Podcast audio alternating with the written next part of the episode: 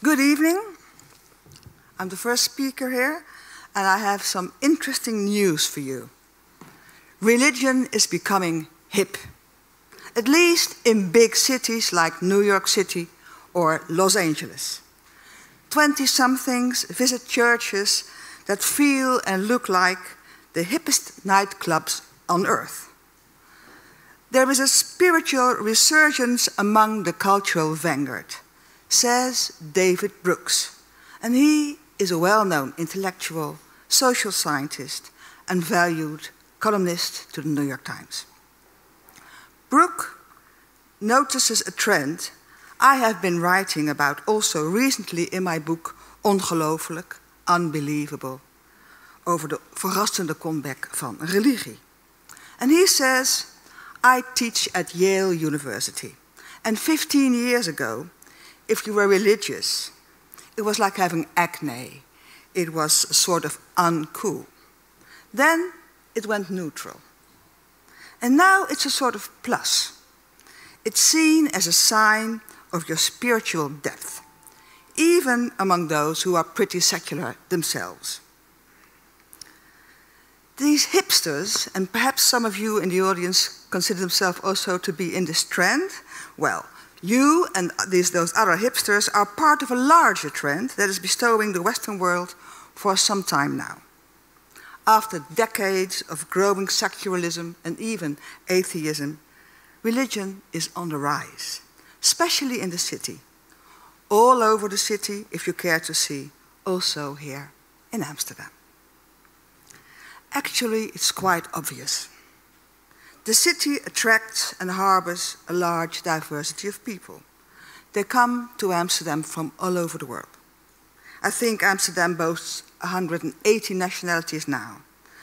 And as 88% of the world population consider themselves as being religious, they bring their convictions along. And it looks like we've only just begun. The WRR, the Dutch Scientific Council for Government Policy, recently made a forecast on immigration into the Netherlands for the next 40 years, up until 2060. And they expect ever more people to come and stay from ever more different countries. In the last decade, the public attention has been focusing very much on the immigration from certain Muslim countries. But uh, while in fact diversity has been growing immensely from Bosnia, Brazil, Benin, Bulgaria. And this will continue. We should expect ever more different forms of worship to our cities. This is an international phenomenon. The British journalist Ben Judah wrote a wonderful book on the New London. He speaks about a spiritual awakening. And I particularly like one of his quotes as it speaks of a practice many people hardly notice. And I will quote The New London is a city of Somali basement mosques, overflowing Polish chapels, and teeming African Pentecostal services and converting bingo halls. Judah expects London's new spirituality to become more visible in the years to come as communities grow richer and more confident, as very often now they are still in the hiding. And I suspect the same will happen in Amsterdam. And the funny thing is, this should not surprise us. It's our legacy, it's our tradition, especially in Amsterdam. Our image as a tolerant city goes way back to the 17th century when Amsterdam was booming and immigrants came here to work. Migrants from the French speaking part of Belgium started their Waalse kerk at the Oudezijds Achterburgwal. And German speaking immigrants from Germany, from Scandinavia, started their Lutherse kerk on the corner of Spui and Singel. Portuguese Jews built their beautiful synagogue at Waterlooplein. According to Dutch historian Maarten Prak, these churches provided not just spiritual food for thought, but actual social benefits, like real food, like money for the poor people, partly paid for by the city council, but provided by the churches, who were supposed to take care of their own flock, as churches do. It's always been their characteristics. They take care of each other. They fulfill a need that often specifically becomes clear in times of hardship or when you're an immigrant trying to find your way in an unknown country. Many, many years later, this fundamental idea of involving churches in social policy translated into our familiar pillar system, the verzuiling. Churches and governments work together in different roles, different responsibilities, to the satisfaction of many.